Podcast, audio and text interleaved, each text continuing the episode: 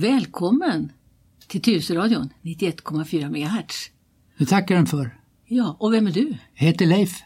Mera heter Bra- du. Leif Bratt heter jag. Ja, du är Tyresöradions mest bekanta röst. Det vet sjuttongen. Eh, för jag vet inte hur man mäter sånt. Nej, vi försöker mäta hur många som lyssnar på oss men det är ju lite svårt. Vi kan räkna alla som går in via datorn.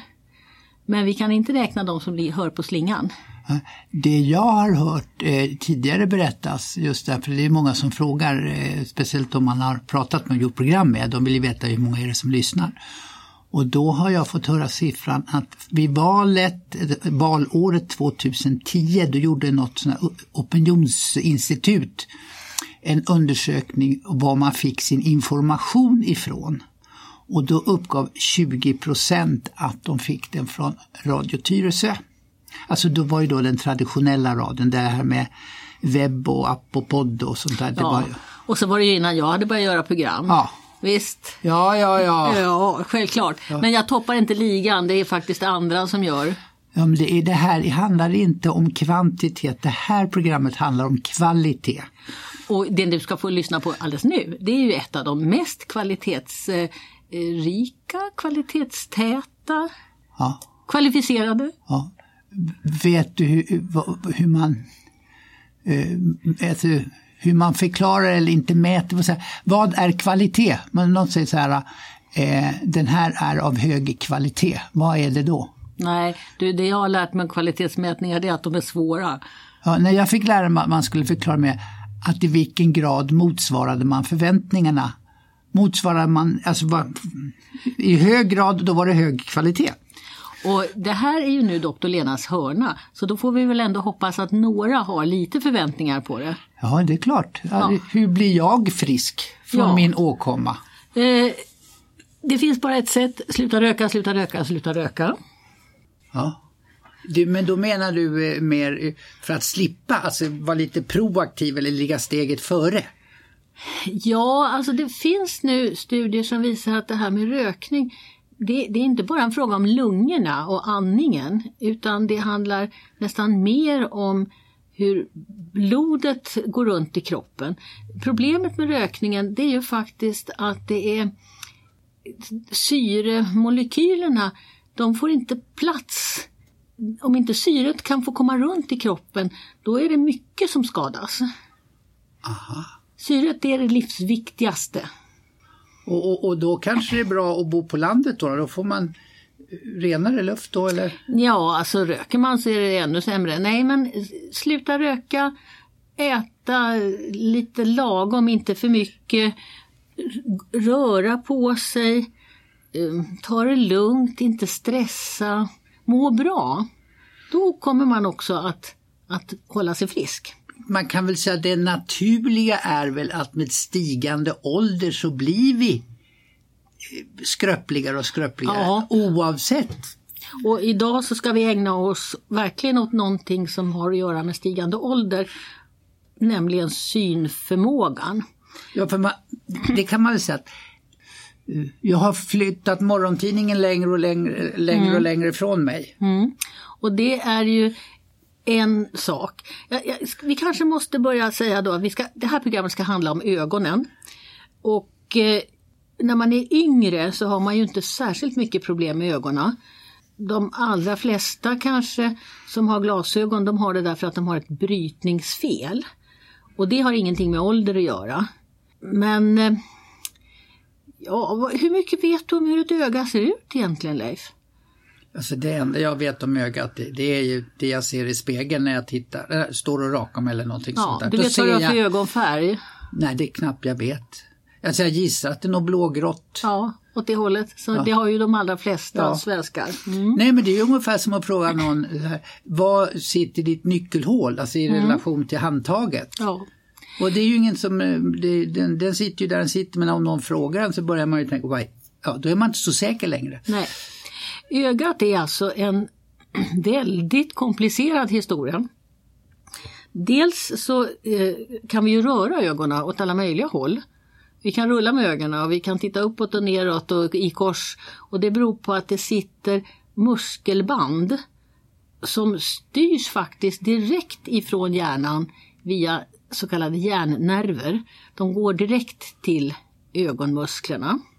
Och då har vi flera stycken som styr ögonen. Bara en sån sak säger ju då att det, att det är ett viktigt organ.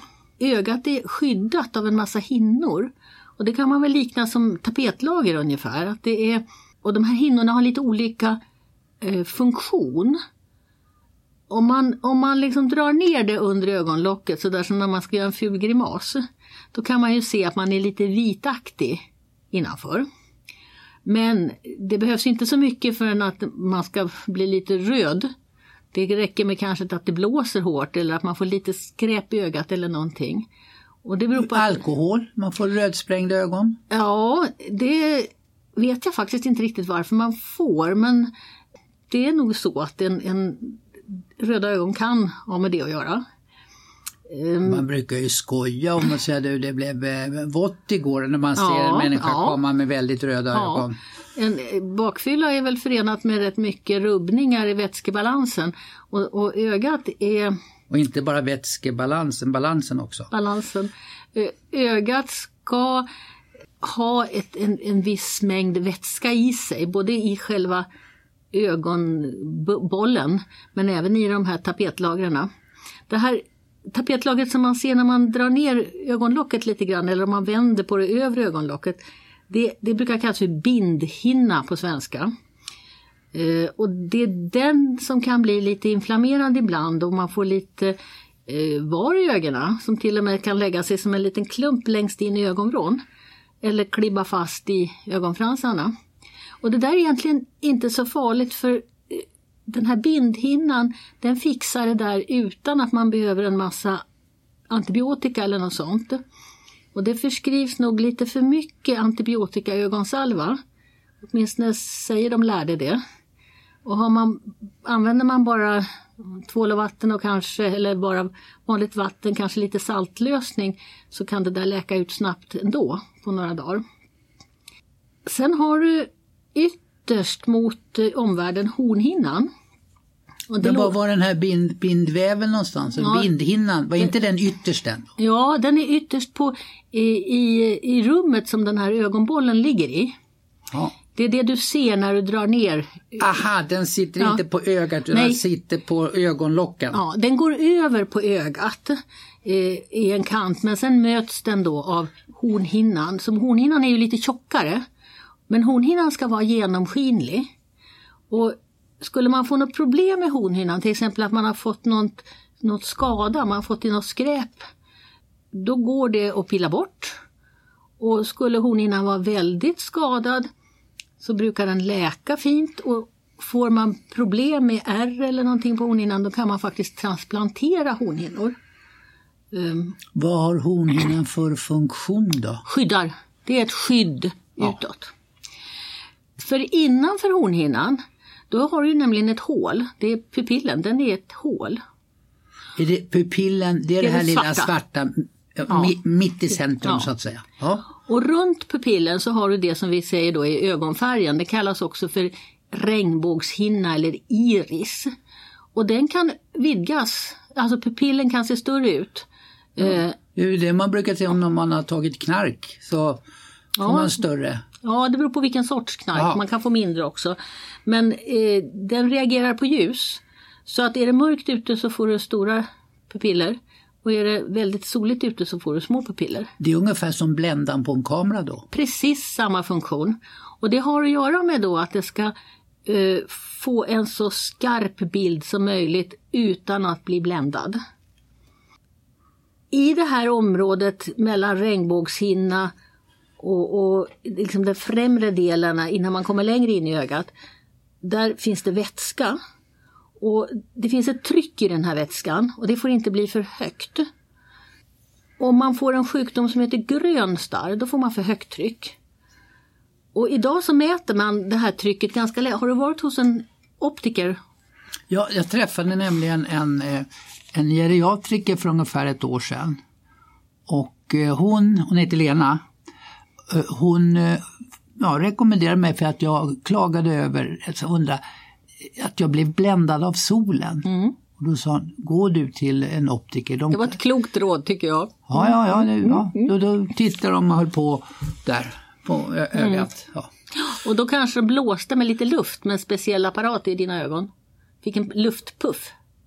Det kommer jag inte ihåg. Nej, Du- det, det är ett sätt att mäta trycket i ögat Ja. och det gör optikerna. Går du till en ögonläkare så kanske de använder en annan apparat som är lite mera komplicerad där man pressar en litet, litet föremål mot själva ögat Ja. och mäter trycket. Men den här luftpuffen den är enkel och eh, ganska tillförlitlig ändå. Så pass att är det ett högt tryck så säger optikern att nu får du gå till en ögonläkare. Nästa innanför, då kommer du till själva linsen. Det var där du behöver ha det här med tidningen. För linsen den hänger i muskeltrådar. Tunna, tunna trådar. Och normalt så ska vi alltså kunna ändra, genom att spänna de där trådarna, så ska vi kunna ändra linsens form. En lins är ju eh, som en kärna, alltså oval på bägge hållen. Det är en, en lins. Och idén med den här linsen är att det ska bryta ljuset så att det hamnar precis längst bak i ögat där det är som känsligast. Men om man då, så fort man är över 40, 45, då börjar man få lite svårt att, att ändra linsen. Och det är då du måste sträcka på armarna istället för att få den här brytpunkten på rätt ställe. Just det. Och det, det är inget sjukt i ögat utan det är helt som det ska vara. Men det är då man behöver skaffa sig läsglasögon med konvexa glas, plusglas, för att liksom lägga till lite grann i den här brytnings... Vad ska man kalla det? Ljus, hur ljuset bryts. Kan man säga då när du pratar om linsen och glasögon och du säger konvexa, då, de är alltså tjocka på mitten? De är tjocka på mitten. Konkava, då är de utkarvade, de är kava i, i, i mitten. Ja. Det är tvärtom. Eh, Bakom linsen så har du en geléboll som kallas för glaskroppen. Och den enda funktionen av den är egentligen att hålla ögat inte ska falla ihop. Utan det ska vara som en utspänd boll. När man blir lite äldre så kan man få lite sprickor i den där gelén. Eh, Fyller den alltså hela utrymmet här bakom? Ja, det gör Så den. lins och, och allt det här, det ligger i den här gelén? Ja, det ligger precis framför gelén. Jaha. Det är tunna och, och där det inte är gelé, där är det vätska. Ja. Det är där det finns då ett tryck. Ja, ett så- ögontryck. Ja. Så det enda hålrummet som finns det är pupillen? Ja, det är hålet in i ögat så att säga. Sen bakom, längst bak i själva ögonhålan där det är tapet på väggen igen. Där är det en mycket, mycket speciell tapet. Den heter näthinna. Och det är där alla eh, nervcellerna ligger som uppfattar ljuset. Och då har vi två sorter. Vi har tappar och vi har stavar. Ehm, och det, stavarna, de är väldigt, väldigt ljuskänsliga. De, de eh, reagerar direkt så fort det finns det minsta lilla ljus. Men de kan inte se färg. Men de, det är de som gör att vi kan se i mörker. Tapparna, de registrerar färg och de registrerar också skärpa. Men vi har alltså två olika sorters nervceller i den här näthinnan. Och sen är inte den heller helt homogen utan på ett ställe i ögat så finns det mycket mer av allting.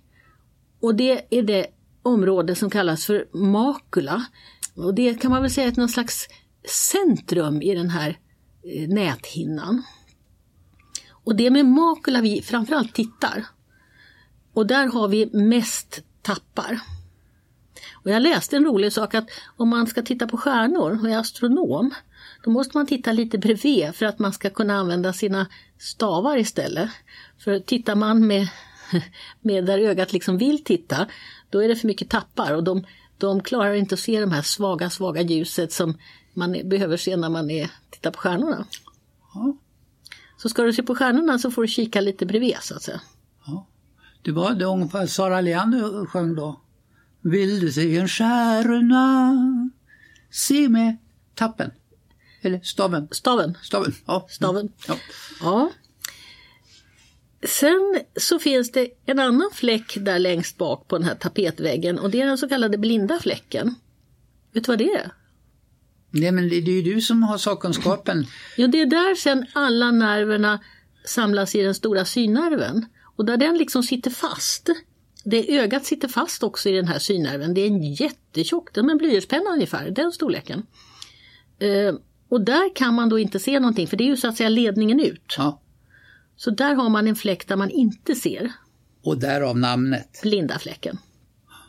Men det en, en ögonläkare gör när de tittar in i ögat. Först Bedöva dem lite grann så att inte den här pupillen eller regnbågshinnan håller på att dra ihop sig eh, när man lyser in i ögonen. Den, den blir lite eh, förlamad. Och sen så lyser man in i ögat och så ser man alltså ända in, rakt igenom lins och glaskropp, ända in till näthinnan. Och så tittar man på den här fläcken där det ska vara som mest makula och så tittar man på blinda fläcken. Då kan man ju fundera varför är det för någon poäng att titta på blinda fläcken men det är faktiskt så att om man har sjukdomar inne i hjärnan som trycker mot ögonen då blir det en svullnad där i den här blinda fläcken. Så det är viktigt att titta på den också. Gula fläcken då? Ja, det är makula. Ja, men varför använder du inte det ordet som vi lekmän? Ja, men det är ju inte alltid jag kommer ihåg de svenska orden. Jag är liksom drillad på de här latinska orden istället. Du, du pratar då, och det kanske, nu kanske jag för, förekommer dig och då ber jag om ursäkt, men det, jag tänker bara på det här då olika eh, åkommor på, på ögat.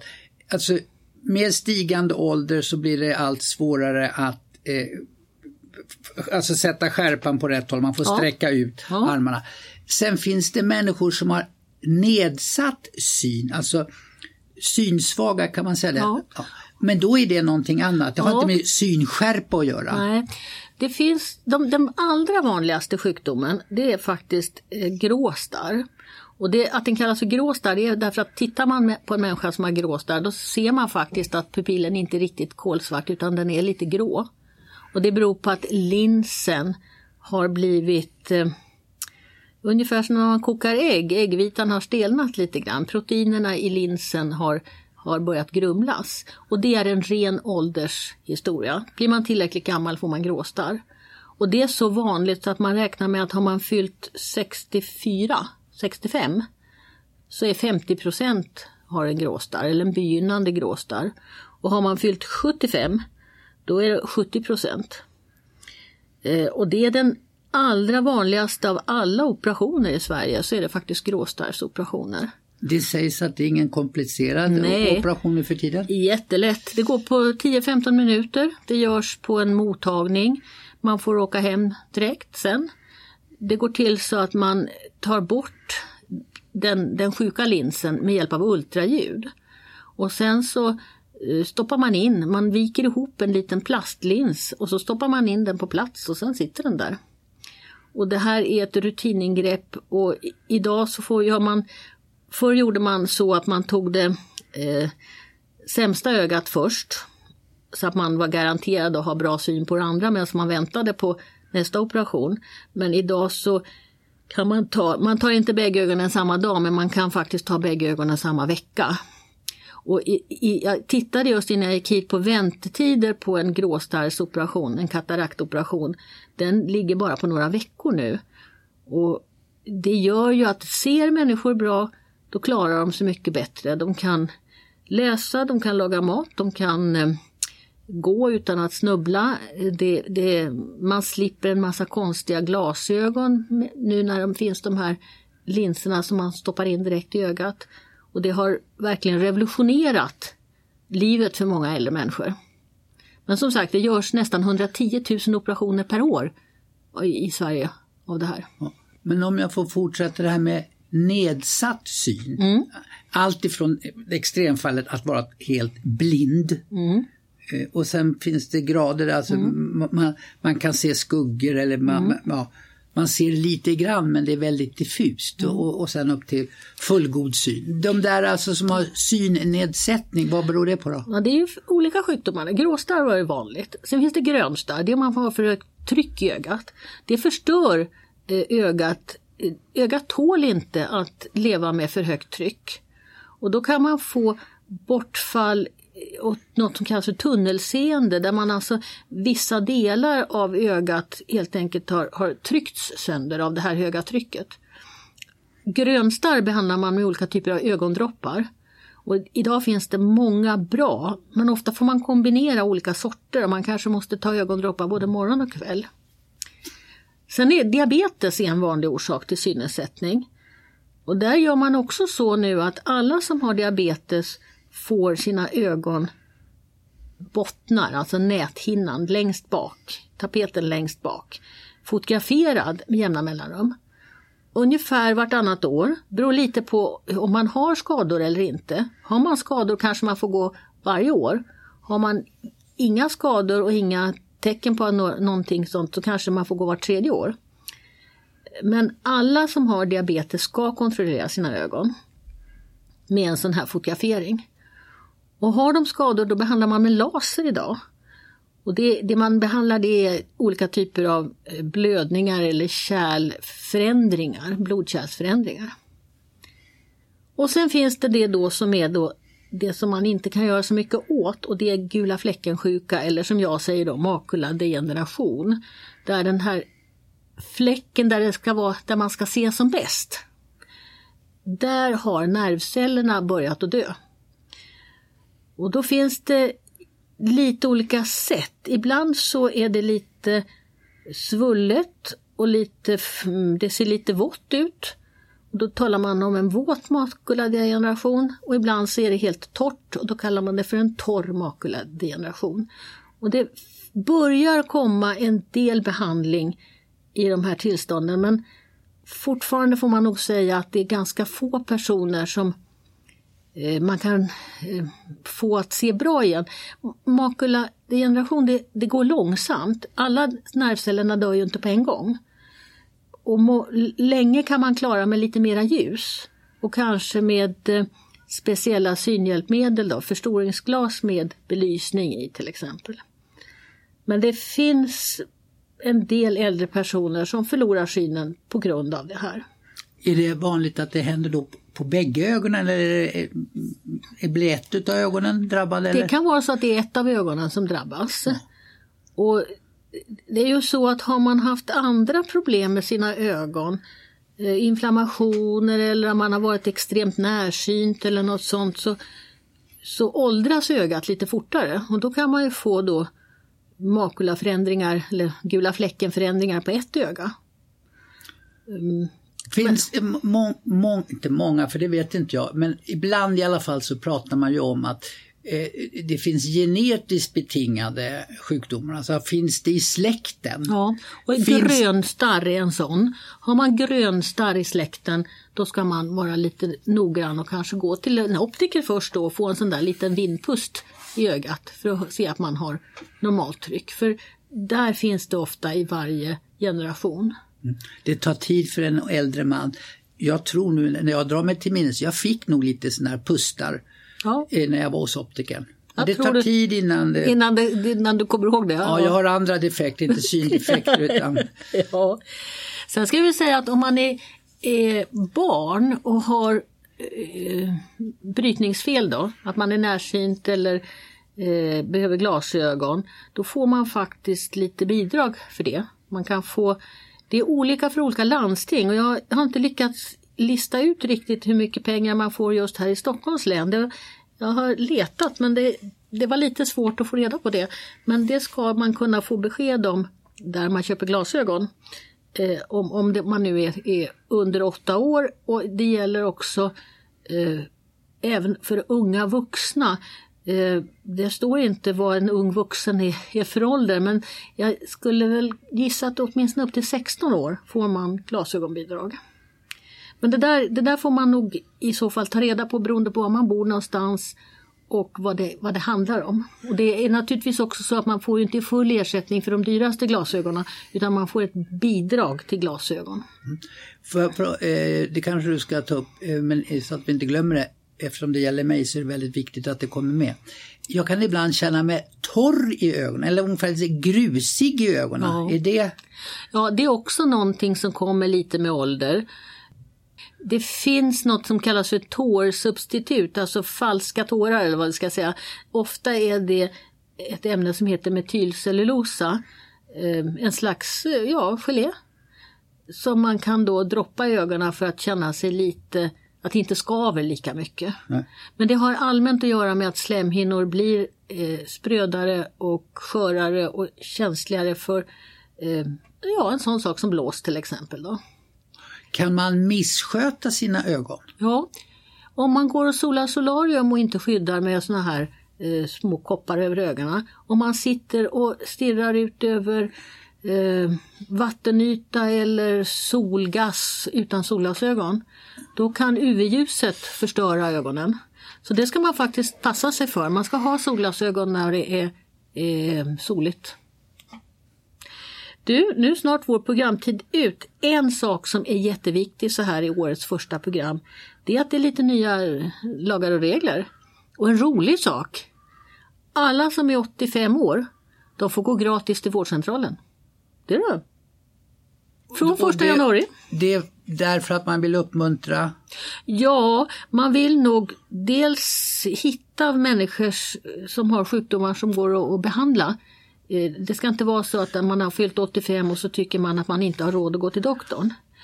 Eh, och sen är det kanske också så att, att eh, det har kostat lite för mycket jämfört med hur pensionsläge och mediciner kostar och sådana saker. Men upp till 85 år så gäller högkostnadsskyddet men efter 85 så får man, får man, är besöket avgiftsfritt.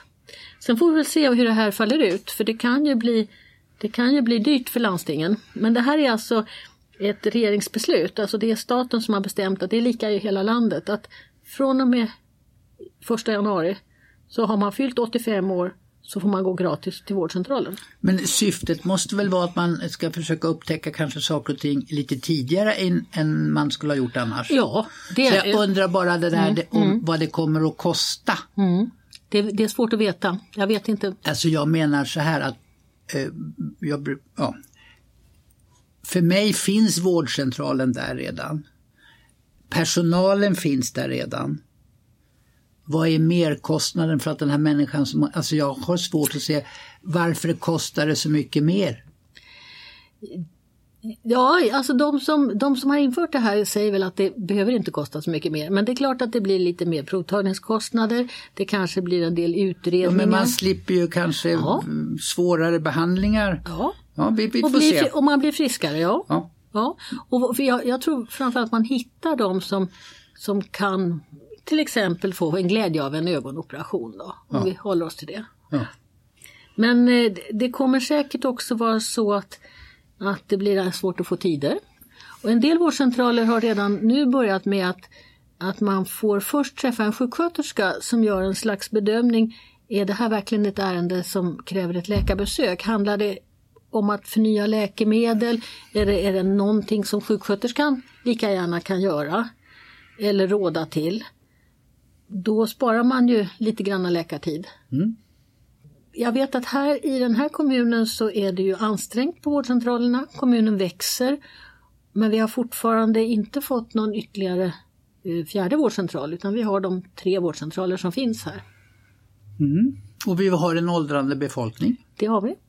Och, och nu så får man då också gå kostnadsfritt om man har fyllt 85 år. Men man får inte gå hur många gånger som helst, man får inte gå en gång i veckan utan det, det handlar alltså om att, att eh, hitta saker som går att åtgärda som man blir friskare av. Ja.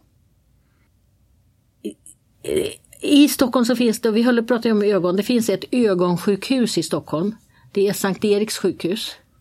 Men innan man sätter sig och åker till den akutmottagning som finns på Sankt Erik, då ska man nog kanske ringa 1177 först. Därför att de flesta vårdcentraler har akuttider, de ska ha akuttider. Det finns akutmottagningar. Eh, vi har både i i Handen, det ska bli väl en i Farsta, det finns en i Nacka. Eh, där man enklare ögongrejer faktiskt går lika bra. Ögonsjukhuset är till för de svårare fallen. Ja, vi hoppas att de inte får något besök. Ja, precis så. Ja men då har tiden gått redan. Ja, då ber jag att få tacka för nya kloka råd. Ja, och så ses vi väl snart igen, eller hörs ska vi väl säga. Ja, för, nu ja, har, vi ses men lyssnarna hör oss. för nu har du hört på Lena och Leif som gör Dr. Lenas hörna på 91,4 MHz. Tack för idag! Tack!